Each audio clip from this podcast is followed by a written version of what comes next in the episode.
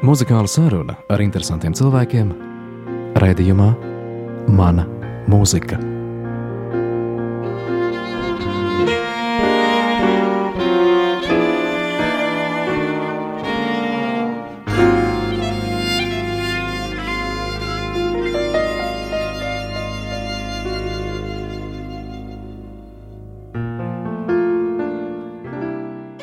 Klasikā sākusies stunda, kad mēs esam aicinājuši viesus, lai stāstītu par savu mūziku. Un šajā reizē studijas viesņa ir violniece un pedagoģe Ludmila Girska. Labdien, Girskas kundze!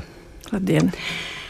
Vai mēs nevarētu arī šo raidījumu saukt nevis mana mūzika, bet tikpat labi, es domāju, mani audzēkņi, jo tā, ja paskatāmies Zināmo latviešu violnieku biogrāfijas, tad gan iepretim Baibas skrīdas vārdam, gan Vinatais Reikai, gan Paulai Šūmanai, arī Martai Spārniņai. Visas šīs violnieces ilgāku vai mazāku laika sprīdi ir pavadījušas arī jūsu rokās, jūsu klasē. Taisnība? Jā, jā. Nu, tagad tikko piezvanīja meitene, kura beidza pie manis dažus gadus atpakaļ. Pēc skolas viņa iestājās Londonas akadēmijā, pabeidz viņu un palika dzīvot Anglijā un strādāt tur. Strādā BBC orķestrī. Viņa ved ļoti aktīvu muzikālo dzīvi. Un uh, tāds zvans, labdien, skolotāji, es gribu jūs redzēt, es gribēju jums parunāt. Tas ir patiesi prieks. Tiešām prieks, tāpēc, ka bērns ir realizējies, ka viņam ir darbs, kas viņam patīk, ar ko viņš nodarbojas vēl joprojām, kas nav ar visiem. Ne katrs turpina. Un tu redzi, ka tavs pūlis, ko tu pielicis pie tā bērna, viņi priecīgi beidzies ar to, ka tas bērns ir veiksmīgs savā dzīvē, profesionālā ziņā. Vai jūsu klasē vispār pulkstenis ir kaut kur pie sienas, vai tad, kad uh, audzēknis ticis jūsu rokās, nu tad cikos viņš ārā iznāks, to prognozēt nav iespējams? Nu, Pirmkārt, skolai zvans un mēs esam reglamentēti tieši ar zvanu. Dažiem pedagogiem ir pulkstenis klasē, es viņu nelieku un nelikšu. Jo audzēkņa uzmanība, jo tālāk, jo būs vairāk pievērsta tai bultītei vai ne, Bet vismaz kaut kādi atskaites punkti jau ir, ja ne pa minūtēm, tad pa mēnešiem, pa gadiem. Un vai es kļūdīšos, ja es teikšu, ka jūs dārziņas skolā, kā pedagoģe esat pavadījusi 55 gadus. Jā. Es pareizi saskaitīju. Jā, tā ir. Cik audzēkņi jums ir bijuši šo gadu laikā? Man grūti pateikt to skaitli. Ļoti daudz. Viena daļa, kur mācījās un aizgāja, teiksim, viens no, no tiem audzēkņiem beidzis skolu, iestājās vienlaicīgi akadēmijā un universitātē. Nu, un tagad viņš nodarbojas ar Rīgas, Baltijas, kas saka, dzelzceļu. Un uh, dažādi arī saprata ar laiku, ka viņa iespējas muzikā ir nepietiekamas, lai turpinātu profesionāli, līdz ar to aizgāja pa citu ceļu. Nu, ne no katra bērna var iznākt muzeķis tomēr. Iesākt var, palikt pa profesionāli mūsu laikos ir diezgan daudz jāprot un ļoti labi jāprot. Ja tagad ļoti daudz cilvēku, kas ārkārtīgi labi spēlē, Mēs pat viņus nepazīstam pēc uzvārdiem. Nav tā kā agrāk, Oistrāks, tur Kogans, tur Stērns. Tur. Bet tagad uh, tu pat gandrīz vai šeit neizdzirdēsi tādu vārdu. Man bija tāda pieredze. Es aizgāju uz koncertu pie dēla tur ārzemēs, un tur Hilārija Hāna vienkārši saslima. Un atnāca Vilnieks, kuru mēs te nepazīstam. Viņš spēlē kā dievs bez problēmām. Līdz ar to turpināt manu domu, teiksim, palikt par tādu pilnvērtīgu profesionālu daudz grūtāk, man liekas, nekā kādu laiku atpakaļ vēl. Jo tas līmenis ir stipri audzis. Bet, kā mēs sarunas sākumā noskaidrojām, jūs esat vairākiem izciliem profesionāļiem palīdzējusi spērt tos pirmos soļus. Un, ja mēs uh, skatāmies jūsu pirmo muzikālo izvēli, Kamils Sensans, introdukcija un rondo capriccioso. Mans pirmais muzikālais iespējas no mūzikas, no klasiskās mūzikas bija tieši šitais darbs. Es, es tikai tagad tā iedomājos, ka tas tā ir. Jo bērnībā es dzīvoju tādos apstākļos, kad nebija ne televizora, ne, ne vispār kaut kādas citas informācijas.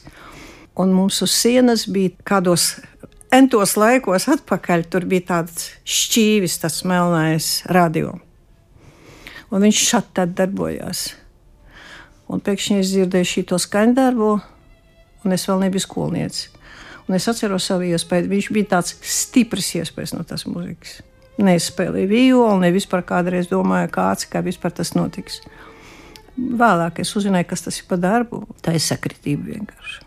Bet, Girskas kundze, vai jūs to rondo dzirdējāt vēl tajā laikā, kad jūs bijāt Amerikā? Jo jums uh, tomēr liktenis bija lēms, ka jūs nācāt pasaulē Amerikas Savienotajās Jā, valstīs un tikai to piedzīvoju.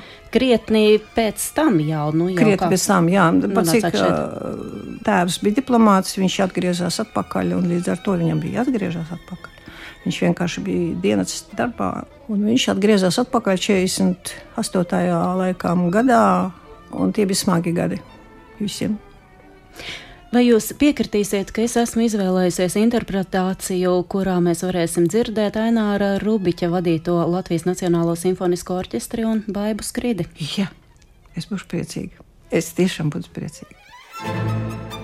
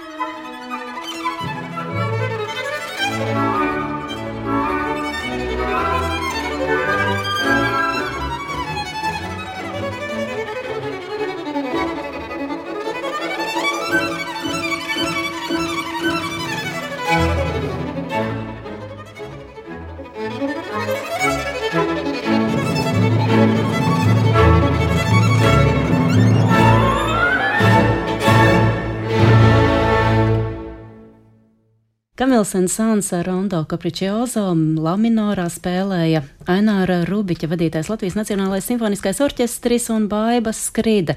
Baiba Skride māksliniece, kuru savulaik arī skolojusi šīs dienas raidījuma mana mūzika viešņa, skolotāja Ludmila Girska. Skolotāji, kādas ir tās sajūtas, ka jūs saprotat, jūsu rokās ir ielikts talantīgs, apdāvināts bērns, un tālāk jau droši vien lielā mērā būs atkarīgs no jums, kāds būs viņa ceļš. Cik daudz jūs spēsiet viņu ievirzīt, lai tas bērns pamazām atplaukst, atraisās, lai viņš saprotu to mūziku, jo ar pareizu un ātru nošu nospēlēšanu jau vēl nekas nebūs līdzēts. Ir tā daudzekņie, viņa nav daudz, kuriem ir tik daudz dots, ka viņa iespējas var manīt uzreiz pašā sākumā. Baibas krīdi bija no tādiem audzēkņiem, kuriem neko daudz nevajadzēja stāstīt, jo viņi tevi saprata. Pirmkārt, audzēknis, kas tevi saprot, tas ir ļoti daudz šobrīd. Un kurš var uzreiz realizēt to, ko tu viņi prasa. Līdz ar to bija skaidrs, ka tam bērnam ir ļoti laba nākotne. Un vēl muzikālā ģimene, kas visādi stimulēja. Līdz ar to tur bija skaidrs, ka viņai veiksies. Bet vai dažkārt arī uz jums neskatās kā uz tādu feju brīnumu dari? Nu, ja ir kāds labs audzēknis, nu tad iedosim girskai, un tad jau tur viss būs kārtībā. Tas liekas pašsaprotami. Jūs izmīcīsiet, jūs tur sapurināsiet strādāsiet, un rezultāts būs. Ziniet, mēs skolās sakām, ka mēs nestrādājam pa dieva kungu skolā, ko daba ir cilvēkam devusi kāds diapazons viņam, iespēja diapazons ir. Un jautājums tikai tāds, vai viņš izmanto savas spējas vai nē. Ļoti bieži tur redz, ka audzeknim ir ārkārtīgi daudz dots, bet viņš to uztver kā normu. Viņš vienkārši neuztver to kā dāvanu, ka viņam tik daudz ir dots. Viņam ir daudz kas uzdāvināts, lai viņš varētu to realizēt. Līdz ar to, līdz ar to ne katrs viņu izmanto. Mēs varam attīstīt, palīdzēt, iemācīt tiem, kuriem pirmkārt ir daudz dots, bet mēs nevaram izmantot bērna mentalitāti. Mēs varam tikai veicināt un ieinteresēt viņu, kas saka, muzikālā darbā, bet mēs nevaram pilnīgi ielikt to, kas viņām nav. Līdz ar to mūsu uzdevums paskaidrot arī viņam pašam, kas viņam ir un ko viņš no tā var iegūt, kā viņš to var izmantot dzīvē. Jo tādā gadījumā jebkuram var iemācīt jebko. Tad, tad, ja es gribu būt par Leonardo da Vinci, tad man vajag tikai gribēt un strādāt. Bet es par tādu mākslinieku nevarēšu būt. Jebkurā gadījumā tu vari diennakti sēdēt pie tā bērna. Nekas tam līdzīgs tur nesanāks. Līdz ar to es gribu vēlreiz eh, pastrīpot, kā mēs tikai palīdzam bērnam realizēt to klāstu, dotību klāstu, kas viņam daba ir devusi. Un tur ir tā atšķirība. Viens uztver to, kā viņš grib to realizēt, a viens kaut kā nevisai skatās uz to pusi. Bet kur ir tā smalkā robeža? Jo no vienas puses nedrīkst bērnu iedzīt zemē visu laiku, kritizējot, aizrādot un varbūt tieši ar saviem aizrādījumiem stimulēt, lai viņš attīstās. Un no otras puses ir tas, ka ir bērnam jābūt apziņai, ka viņš ir vērtība, viņš visu var, viņš ir personība. Kur tas vidusceļš ir? Ko darīt? Jā, tas ir sarežģīts jautājums. Vienkārši tāpēc jāskatās individuāli ar katru bērnu, ar viņa raksturu arī jo tie raksturi ir tik dažādi. Un ir tas, kas pretojās, ir tas, kas te uztver pozitīvi. Man liekas, ka tad, kad bērns paveic kaut ko labu, viņu noteikti vajag palielīt un pateikt, viņa redz, ka tev sanāk, redz, ka tev iznāk. Ja tu izdarīsi tā un tā un tā, tev iznāks viss tas, kas te ir tajā tekstā, teiksim, ir. Ja? Līdz ar to visu laiku teikt bērnam, nē, neiznāk, tā ir kļūda, tas ir slikti, nu kāpēc tu tā dari? Nevar. Vajag tā mainīt. Mainīt. Katrā ziņā bērnam pateikt, ka, ja viņš ir pacenties, tad ka kaut kas labs ir sanācis. Līdz ar to, lai viņam tā griba darīt tālāk, nezūd. Un kā tad ir ar to teicienu 90% darba, 10% talanta? Kā mēs varētu mazliet, ja mēs pārfrāzējam, cik procenti ir uz skolotāja sirdsapziņas, ne nu gluži, bet no skolotāja pleciem šajā te vismaz mācību sākuma procesā līdz kādai viduskolai? Mūsu, pro, mūsu profesijā tā tiešām ir, jo ir tas melnais darbs ir fiziskā mehānika, teiksim, sakārtot savas rokas, veidot savu uzmanību, uzturēt to uzmanību to laiku, kamēr tu kaut ko dari uz instrumenta. Jā, varētu teikt, ka 90% ir vienkārši ar sevi pret sienu un iestrādāt, teiksim, grūtas lietas, lai pirksti krīt pareizi, lai, lai, lai viņi skrien ātri. Un arī tā ir dotība, starp citu, tā ir viena daļa no tām dotībām. Vienam vairāk padodas ātras lietas, otrs ne tik veikls mehāniski. Un, ja viņam atpaliek tehnika, jā, 99% darba. darba. Nu, tas skolotāja nopelns, jo mm, pirmajā, otrajā, trešajā, ceturtajā, droši vien arī vēl pāris klasēs, tad, kad ir audzēkņu vakari un tas bērns skaisti un izjusti spēlē, Tas jau patiesībā ir uh, skolotāja nopelns. Tie aplausi jau ir uh, koncerta beigās skolotājiem, vai ne? Jā, tā ir. Jā, ir. Un tie mazie to saprot pēc tam, ap kuru gadu viņi to saprot. Jums šodien zvanīja no Londonas. Bieži tā gadās, ka audzēkņi jūs pēc tam uzmeklē. Varbūt pat tie, kas skolas laikā labāk redzēja, jūs pagriežamies un aizējam, tagad jūs uzmeklē un pasaka lielu paldies. Tā audzēkne bija starp tiem audzēkņiem, kuriem ir ļoti tāds izteikts raksturs. Jā, un meitene ar savu skatu uz dzīvi ļoti agri bija. Viņa saprata, ja viņai saka, vajag tā vai šitā, viņa saprot, ka tas ir vajadzīgs. Vienīgais, teiksim, pusauģi gados saprotiet, rāgi aug. Un līdz ar to vajag bišķi papretoties, vienkārši sevis pēc un tā tālāk. Bet jebkurš bērns, jebkurā vecumā, ļoti labi saprot, ka skolotājiem ir taisnība, ja viņš teiksim, viņam uzrādīja kaut ko izdarīt, viņš nav izdarījis vai viņš teiksim, nepakļaujās. Nav neviena bērna, kas to nesaprot. Mūsu, saka, profesijā, viņi ļoti agri to sāk saprast. Kas ir slikti, kas ir labi, kas nav pietiekami izveidots, kas nav pietiekami iemācīts. Un tad, kad viņš spēlē, pēc sejas var redzēt. Tad, kad viņš ir bijis šī garām, tad, tad uz sejas jūs varat redzēt, ka viņam tur, kas saka, viņš ir fiksējis to brīdi. Nē, nē, viņi visu saprot. Kādreiz saku, no kāpēc tu tā reaģē uz šito? Nu, tu nospēlēsi šitā. Kā tu uz to reaģē? Kāpēc? Nu, skolotāji ziniet, nu, tāpēc, ka te un te, un te teiksim, ļoti labi saprot. Vēl jau vairāk viņi ļoti saprot, tad, kad cits to dara.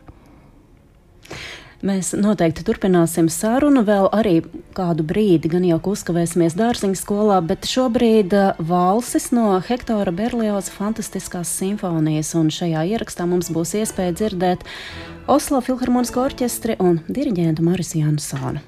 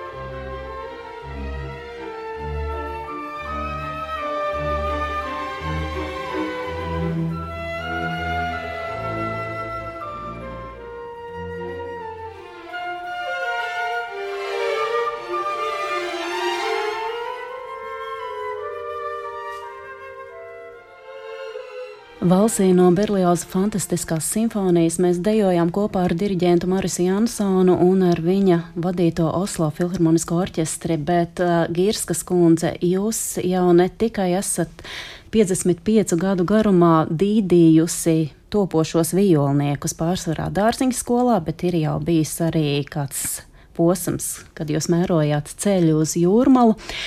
Jūs pati arī esat spēlējusi pie izciliem meistariem savas karjeras sākumā jūs eh, neilgu laiku salīdzinoši spēlējāt.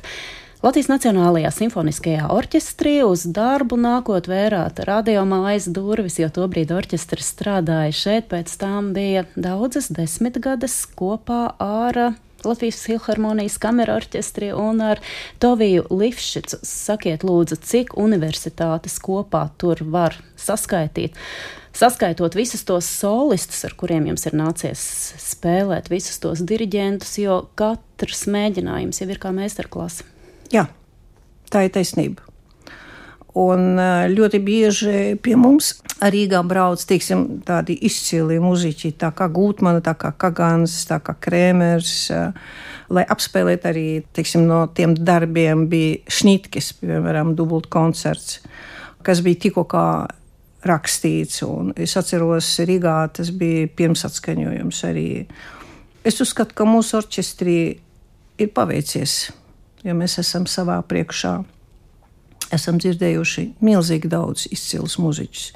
Tas pats Ljubīmovs, eh, slavenais pianists un baroku mūzikas izpildītājs un uh, Gūtmanu, Kagans un Triķiekovs. Un es, man pat grūti tagad visus nosaukt. Ļoti daudz koncerti bija ar, ar tādiem izciliem solistiem priekšā. Jā. Tas tā. Un tad, kad viņi brauca pie mums, viņiem bija savas vēlmes, viņi lūdza mums izdarīt tā un tā un tā. Un tā. Līdz ar to, jebkurā gadījumā tā ir skola. Jā. Lifšits jau pats nebija diriģēšanu mācījies. Viņam vienkārši Viņš viņam Viņš, nācās jā, glābt orķestri jā. un stāties orķestra priekšā. Jā, jā. Un es domāju, ka arī tie bija tie laiki, kad par baroka mūzikas interpretācijas smalkumiem vēl nebija tik daudz informācijas. Jā. 20. gadsimta Šnitke apskaidrotā nakts Šenbergs un ko tikai Filharmonijas orķestris nav spēlējis, arī tas bija liels lēciens nezināmajā. Jā, jā jā, tiešām. Ļoti daudz darbi, kuri bija pirms atskaņojuma te Latvijā. Līdz ar to tur bija pielikts liels darbs, lai apgūtu kā mums, orķestrim kā tādām, tā arī diriģentam. Kā jūs nokļuvāt Filharmonijas kameru orķestrī? Jūs uzaicināja, jo tajos sākuma gados pirmajam sastāvam izraudzītie un izredzētie tika uzrunāti. Jums nācās konkursu izturēt? Man sanāca tā, ka es strādāju šeit pat radiokomitejā, tajā simfoniskajā orķestrī. Un eh, bija konkurss orķestrī uz vietu priekšā. Un es piedalījos tajā konkursā. Un komisijā sēdēja filharmonijas direktors Filips Šveiniks. Un konkursa beigās es vinnēju to vietu, un tad viņš pienāca pats man klāt. Un cik es sapratu, acīm redzot, tas sastāvs kameras orķestrim bija veidojās tajā laikā, tur bija vieta Un viņš man uzaicināja. Un faktiski vienējot vietu simfoniskā orķestrī, es tiku tajā kamerā orķestrī. Vienīgais orķestris man pateica, par cik es esmu pieņemta uz zināmu laiku orķestrī, pēc visiem iepriekšējiem likumiem. Man vajadzēja vēl gadu nostrādāt. Nacionālajā, to, nacionālajā jā, un man vajadzēja vēl vienu gadu nostrādāt, un tikai pēc tā gada es varēju turpināt Un no 70. gada es sāku strādāt kamerā orķestrī. Tas bija vienkārši direktora uzaicinājums. Jā.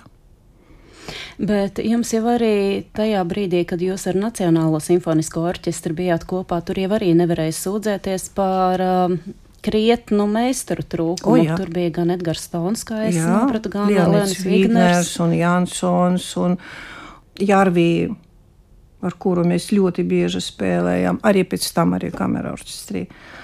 Viesis diriģenti bija ļoti daudz, vis visādi. Līdz ar to, jā, priekšā stāvēja tādi izcili muziķi. Vai jums tagad nav mazliet žēl, ka tajā brīdī, kad to meistaru parādīšanās jūsu ikdienā šķita pašsaprotama, ka varbūt ka nebija vēl tādas iespējas daudz ko piefiksēt, ierakstīt, pierakstīt, lai tagad, kad ir desmit gadus paskrējušas, jūs varētu paņemt blociņu, atšķirt un tad visu atsaukt atmiņā, jo es domāju, ka tur jau varētu arī mācīties vēl joprojām kaut vai tikai no tiem pierakstiem. Vispār žēl, jā, ja, teiksim, es vestu dienas grāmatiem, man ir dienas grāmata, kur es ierakstīju savus iespējas no koncertiem, no mēģinājumiem. Nē, man tāds nav, un es nekad nerakstīju dienas grāmatu. Bet kā mūsu daba ir tāda, ka mēs varam novērtēt to, kas vairs nav. Bet katrā ziņā tie mēģinājumi ar Vigneru un tie koncerti tīpaši. Tas bija un, divas dažādas lietas, kas notika mēģinājumā un kas notika koncertā. Tur parādījās diezgan daudz. Viņam bija tāda īpašība, tāda tāda apbrīnojama īpašība. Kad viņš gāja koncertā jau uz skatuves, viņš tā kā pilnīgi atslēdzās no, no vispār no realitātes. Tā bija tāda kaut kāda mistika, bet tu esi pilnīgi pārņemts ar viņu tādu garīgo varu, kas saka, kad viņš diriģēja. Un, un mums bija vienkārši satriecoši koncerti, teiksim, Maskavā. Mēs tur vedām Jāņa pasīvu, man liekas kas Maskavā vēl nebija atskaņots. Vispār tāda mūzika tur bija retums ar visu kori, ar visiem solistiem. Tas ir 70. gadu sākums, kaut, kaut kur, tā, ja? pirms tam, pirms tam mazbišķiņi. Mm -hmm. Tāpat sestā simfonija, es atceros, Stalinā mēs spēlējām, tas bija vienreizēji. Stīgs Serenāts Čikovskim, ja es nemaldos, tur lēnā daļa, tad jā, mēs vairs nekad no tā darba mēs neesam tā spēlējuši kā ar viņu. Bet nu, tā ir katra diriģenta tāda īpatnība. Tā, jā.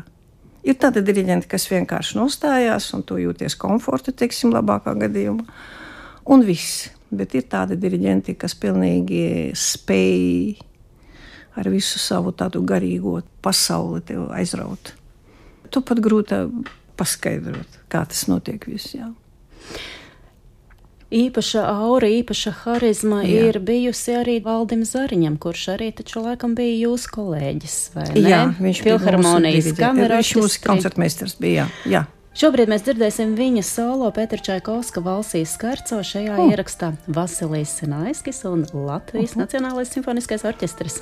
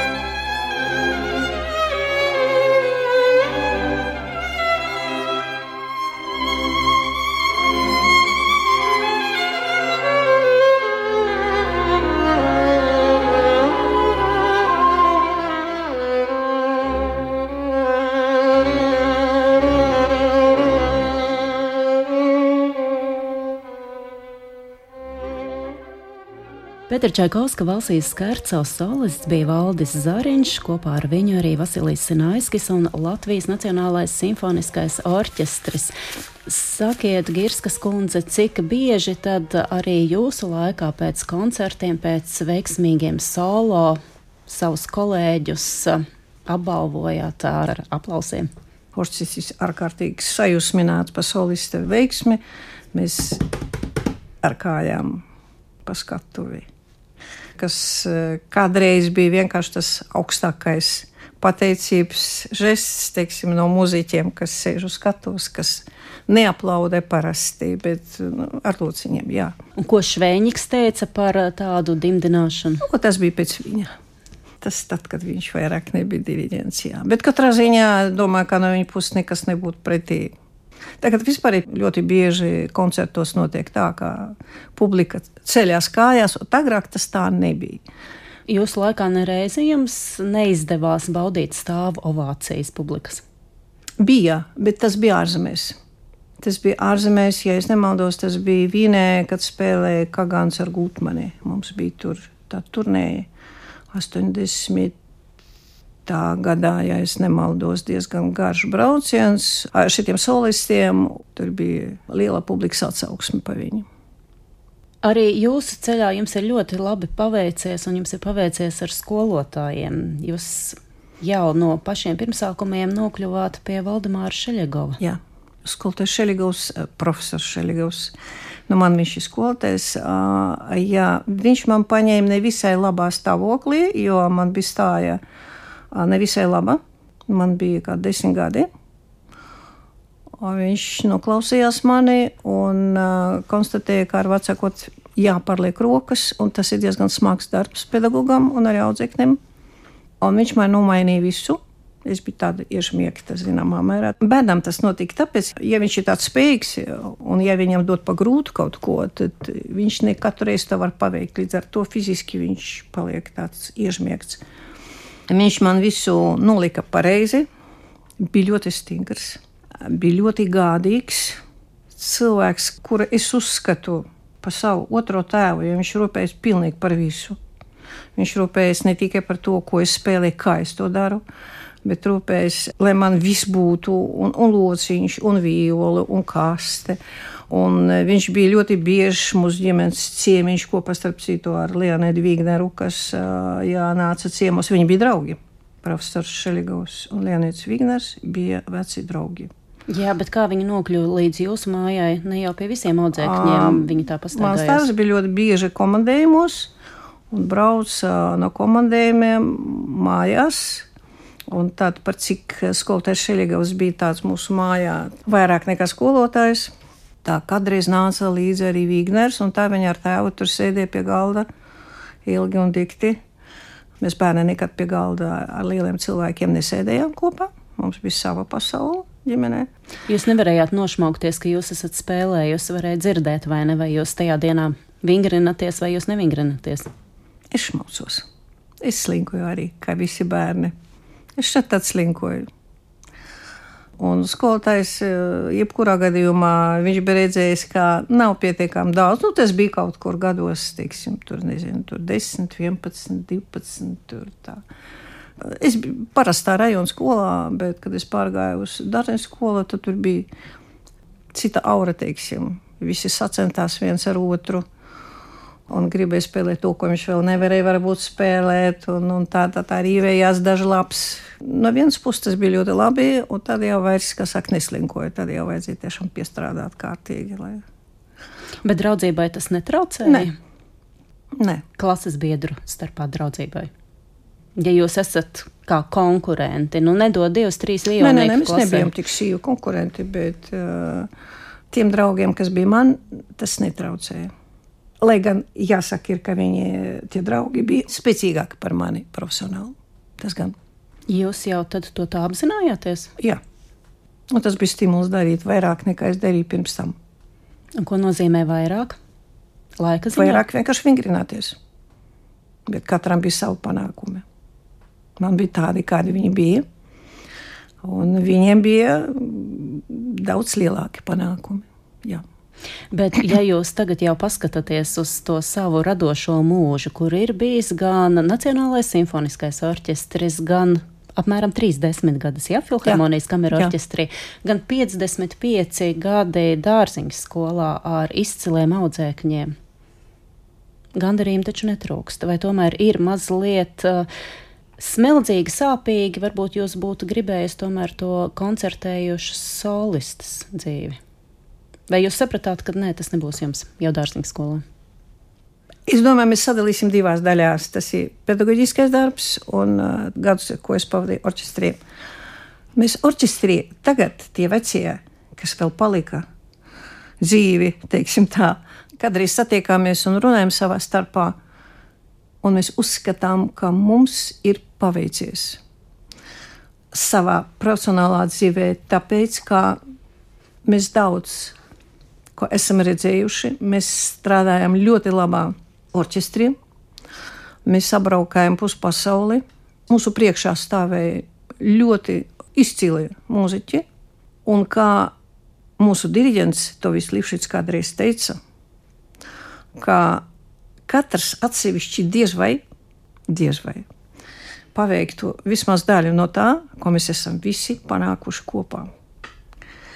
Mēs kopā tiešām bijām labs orķestris, un pa vienām diez vai mēs panāktu kaut ko tam līdzīgu. Ar ko mēs ar, esam gandarīti. Patiešām gandarīti. Un mēs tiešām uzskatām, ka mums ir paveicies savā profesionālā dzīvē. Kas attiecas par pedagoģisko darbu, no visiem tiem audzekņiem, kas ir mācījies, milzīgs gandarījums par tiem, kas palika profesionāli. Un viens otrs palika pa slavenībām, teiksim, nu, pa tādām labiem profesionāliem un gandarījums par tiem, kas nepalika pa profesionāļiem. Jo neviens no viņiem nepazūda ne kā personība, ne kā profesionāls. Katrs aizgāja pa savu ceļu. Kādreiz tu vari redzēt savus audzēkņus citās profesijās, bet viņam ir tā profesija. Un tas, kas ir mācījies pat mūsu skolā, var teikt, neviens nav pazudis. Ja pat viņš pa ceļām nospriež, ka viņam laikam būtu jādara kaut kas cits, viņš arī tur ir panācis daudz vairāk nekā viņš būtu tā smagi apmācīts, kā mūsu skolā. Tomēr tā nav viegla skola, jo viņam ir radināti tādas īpašas, radināts tādas īpašības, kas viņam jebkurā citā profesijā stipri palīdz. Būs jau laikam tomēr arī taisnība. Tā mūzika attīst abas smadzeņu puslodes, un tas pēc tam palīdzēs tieši vienā dzīves jomā. Lai mazliet mēs varētu ievilkt elpu, mums šobrīd Marta Argeriča un Šopēna mīminora oh. prelūdija opus 28.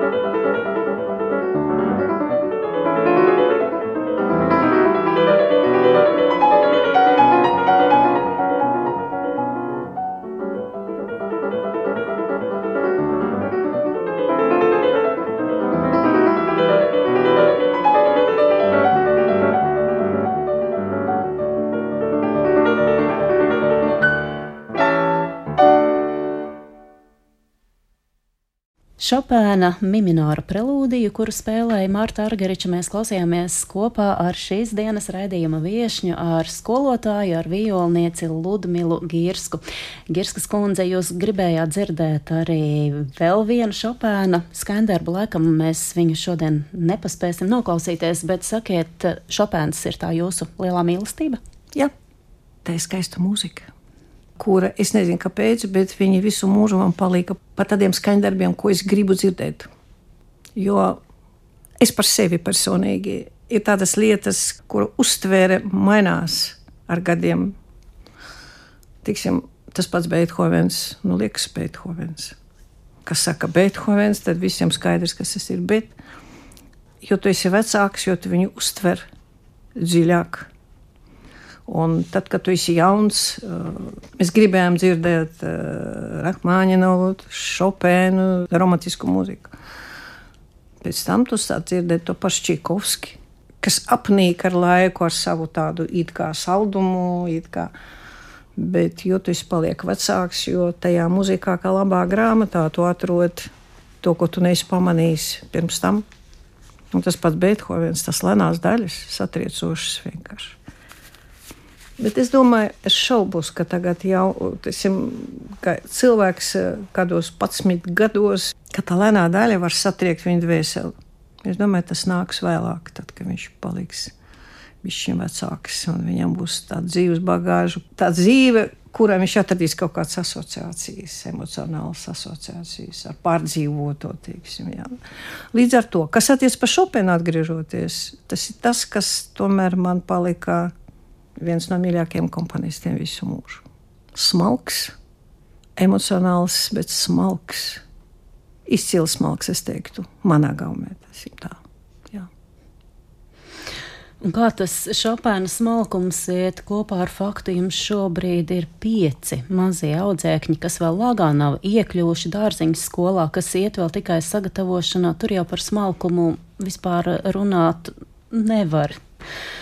Jūs, es pieņemu, ar slapju muguru cīnāties, roku nostādīšana, vispār nošu iemācīšana, tas ļoti, ļoti, ļoti svarīgais pamats, uz kuru tālāk bērni varēs būvēt savu muzikālo nākotni. Man šķiet, ka stīga instrumentu spēles skolotāji ir gandrīz kā, nezinu, raķešu būves inženieri vai kaut kas tāds. Tur nevar mērīt pa kilogramiem. Tur ir milimetru un miligramu precizitātei jābūt. Nu, lai nesabojātu to bērnu. Jā, tieši tā. Tieši tā. Jo pats pamats ir svarīgs, lai nebūtu nekā lieka kustībās, fiziskās piepūlēs, lai tas viņam traucētu pēc tam paveikt to, kas ir tekstā. Jo ir tādi momenti, kas var vienkārši eh, tam bērnam, nu, tiksim, tas pats vibrāto Un, tas ir stājas jautājums, respektīvi. Un vibrāto tas ir viena daļa no skaņas, kā tādas stīgu instrumentu un tā tālāk. Jā, tas ir tāds sarežģīts, un sarežģīts viņš arī tāpēc, ka atkal mēs atgriezīsimies pie dotībām, kā kurām un cik kurām ir dots, un arī sarežģīti tāpēc, ka katram no mums ir tā iekšēja prasība pēc skaistuma. Ir tādi bērni, kuri dzird to skaņu, kaut kā iekšēji viņi jūt to skaņu. Ir bērni, kuriem tas nav svarīgi. Līdz ar to tev jāizdara tā, lai viņš pievērst tam uzmanību. Līdz ar to ar katru bērnu individuāli. Ir tas, kas tiešām kas viņam gribās. Viņam gribas, man pašlaik ir viņi tik dažādi. Vienam gribas uzreiz vibrēt, jo viņam liekas kaut kur šeit galvā, ka tas būs skaistāk. Ir bērni, kuriem tas skaistums kā tāds nav svarīgs. Un ar tiem jācīnās vairāk, ne jācīnās, bet vienkārši jāpievērš uzmanība vairāk, lai viņi kaut kā pagrieztu uz to pusi. Jo mūzika bez skaistas skaņas nav nekas, un nevienam tas nebūs vajadzīgs. Un viņam pašam, jā. Nu, bet šajā posmā nevienam rokās jau netiek stradivārī ielikts arī tie instrumenti, jau pieņemu tās mazās violītes, kādas ir tādas ir, ne? Jā, jā, jā, jā. Bet katrs paņem vienu un to pašu instrumentu. Ja viens un tas pats paņems dažādus instrumentus, vienām, kurām ir tā prasīja pēc labas skaņas, viņš viņam skanēs savādāk. Ja viens cilvēks paņems dažādus instrumentus, tad pieņemsim, mūsu Latvijā tie bija lielisks Bertovskis čelists. Ernests. Ernests Bertovskis. Un pie viņa nes instrumentus pārbaudīt, kas skan. Ir vērts pirkt vai nav vērts pirkt. Varējāt atnest viņu jebkuru instrumentu. Un viņa rokas tas skanēja. Tas, kas viņa nopērk, liels jautājums, vai viņš varētu atkārtot to skaņu, kas tajā instrumentā ir. Līdz ar to es gribu teikt par tiem pašiem maziem bērniem. Vienam instruments labāk skan, otram, neskatoties uz to, ka viņi, kas saka, maziņi un tādi tembrāli, viņi nekas tur, vienalga viņi skan dažādi. Un tas arī viena daļa no tā darba pie tiem maziem bērniem, jebkuram pedagogam. Maziem bērniem diez vai jūs dosiet Šostakoviču. Jūs gribējāt dzirdēt arī Šostakoviča četras prelūdijas. Skolotāji, kurā brīdī pie jums atnāca Šostakovičs studiju laikā? Nē. Ar Šostakoviču šitam prelūdijām manā dzīvē ir saistīts viens nejauks gadījums mūsu dzīvē. Es ar saviem draugiem, un viņi ar mani, un es ar viņiem, es aizgāju uz koncertu. Un atbraucu es neatceros, kurš solis no tiem lieliem. Filharmonija bija pārpildīta. Cilvēks sēdēja un stāvēja uz palodzēm, tur tādas platas palodzes, ka tiem bija. Un tajos laikos pat varēja vienkārši ielas biļeti dabūt. Un pa visām sienām bija pilns ar stāvošiem cilvēkiem. Tas bija pirmais atskaņojums, Šostakovičs, pirmais atskaņojums Rīgā. Mums bija, neatceros, 14, 13. Jā, un tā neliela grupiņa, mēs stāvējām arī. Un sākās Šostakoviča prelūdijas. Un tas bija tāds šoks priekš mums, ka viens no mums sāka smieties. Un tas bija tāds nervu smieklis, jo vienkārši tā mūzika kā tāda bija ļoti neparasta priekš mums. Un jo tālāk viens no mums smējās, jo sāk smieties pārējie, kā parasti tas notiek. Jo tā mūzika ir izaicinoša. Viņa tajā brīdī, zināmā mērā, tāda huligāniska. Tāda. Mums visiem četriem tas bija tiešām trieciens, muzikālais trieciens. Nākamais trieciens sekoja mūsu smiekliem, mūsu iztrieca no zāles. Koncerta laikā. Jā. jā. Mēs pēc tam nevarējām saprast, kāpēc tas te notika. Mēs tur četri stāvējām un, un nevarējām saprast, kas notika.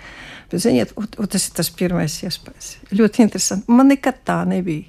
Ne no viena skaņdarba vairāk. Jā, laikam tas ir saistīts ar to, ka mēs esam audzināti ar tādiem ka Mocards, ka Beethovens. Eh, un pēkšņi kaut kas tāds, kas iekšēji emocionāli jābūt neatkarīgam un tev jāatļauj sev būt tāds izaicinošam, kas mums taču audziņi to nedrīkst, mēs to nevaram nekādus tādus izliecienus. Šitās uh, prelūdijas ir tāds izlieciens zināmā mērā. Nav tā? Viņš tāds, nu, tajā brīdī, tagad mēs, nu, šo sakojuši jau pagāja cik gadi, milzīgi daudz gadu. Abi turistas tā bija. Laikam tā iespēja atļaut sev pateikt to, ko tu parasti tur sevī. Viņi uzsīt mums pa smadzenēm. Un par to mēs bijām iztriekti no zāles. Mums vienkārši palūdza ārā. Tas bija manā mūžētājā. Bet šobrīd mēs tomēr visi kopīgi paklausīsimies Šostakoviča prelūdijas, un šajā ierakstā Eva Bindere un Sandra Jalaņecka.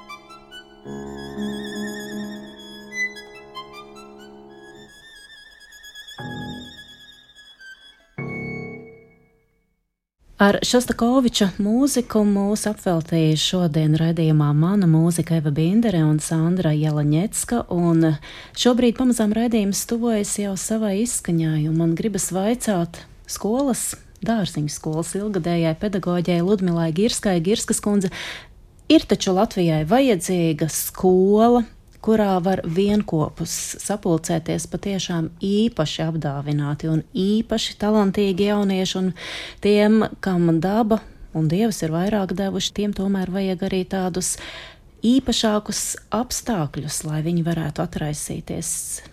Es uzskatu, pēc visiem tiem entiem gadiem, ka tāds apmācības veids, kā speciālā skola, saka, apdāvinātiem, neteiksim tik skaļi apdāvinātiem, bet spējīgiem bērniem, viņa absolūti nepieciešama. Es domāju, tāda sistēma kā tāda, viņa faktiski nav jauna. Nekas jauns te nav. Tas ir turpinājums visam tam, kas ir mūzikas vēsturī bijis. Teiksim, Baham bija sava kursa skola. Baham. Cik gadu atpakaļ? Ja? Vivaldi Viņš taču rakstīja savus koncertus, entos tur 400, cik tur. Viņš ir rakstījis audzeknēm, audzekņiem, jo viņš bija mūks, cik man ir zināms. Līdz ar to nekas jauns. Vienkārši tā sistēma ir pilnveidojusies pa šitiem visiem lieliem entiem gadiem. Tāda metode ļoti koncentrēta vienā vietā apmācīt spējīgus bērnus. Starp citu, tas nav tikai muzeķiem tādas skolas eksistē dažās valstīs, teiksim, matemātiķiem, fiziķiem, kas tiek atlasīti no parastām skolām un savākti vienopus. Jo tad tie audzēkņi pēc sava līmeņa bišķiņi pārāk, teiksim, nu, tajā pašā fizikā, matemātikā vai ne, un tāpat mūzikā. Lai viņiem nebūtu garlaicīgi klasē, lai viņi negaidītu, kamēr viena daļa. Varbūt tas nav metodiski un pedagoģiski pareizi, bet uzskatu, ka tomēr gribam mēs vai negribam, vienmēr un visur notiek cilvēku atlase, un tos spējīgākos mums vajag kopt, lai sabiedrībai būtu tā, kas saka zinātnes, mākslas daļa, kas virzītu kā vienu nozaru, tā otru nozaru uz augšu. Es uzskatu, ka tādas skolas kā mūsu, tāda koncentrēta, teiksim, baletu skola, kursa skola, viņi ir nepieciešams un lai viņi vēl ilgus gadus būtu kā tāda. To mēs arī noteikti novēlēsim, jo marts ir tas mēnesis, kad jums ir kā minimums dubultas svētki. Lielā skaistā jubileja, lielais skaistais dārziņas skolas koncerts ir marta beigās, un pavisam neviļus arī jums ir dzimšanas diena marta sākumā. Jā. Sirsnīgi sveicieni jums, Girskas kundze, lai jums ir patiešām gandarījums katru dienu ejot uz skolu. Ja ne katru dienu, tad ik pa laikam arī sastopot savus kādreizējos audzēkņus, un mēs noslēgsim šo sarunu ar Ilja Grinholca spēlēto Paganīnī kampanēlu no otrā viela koncerta.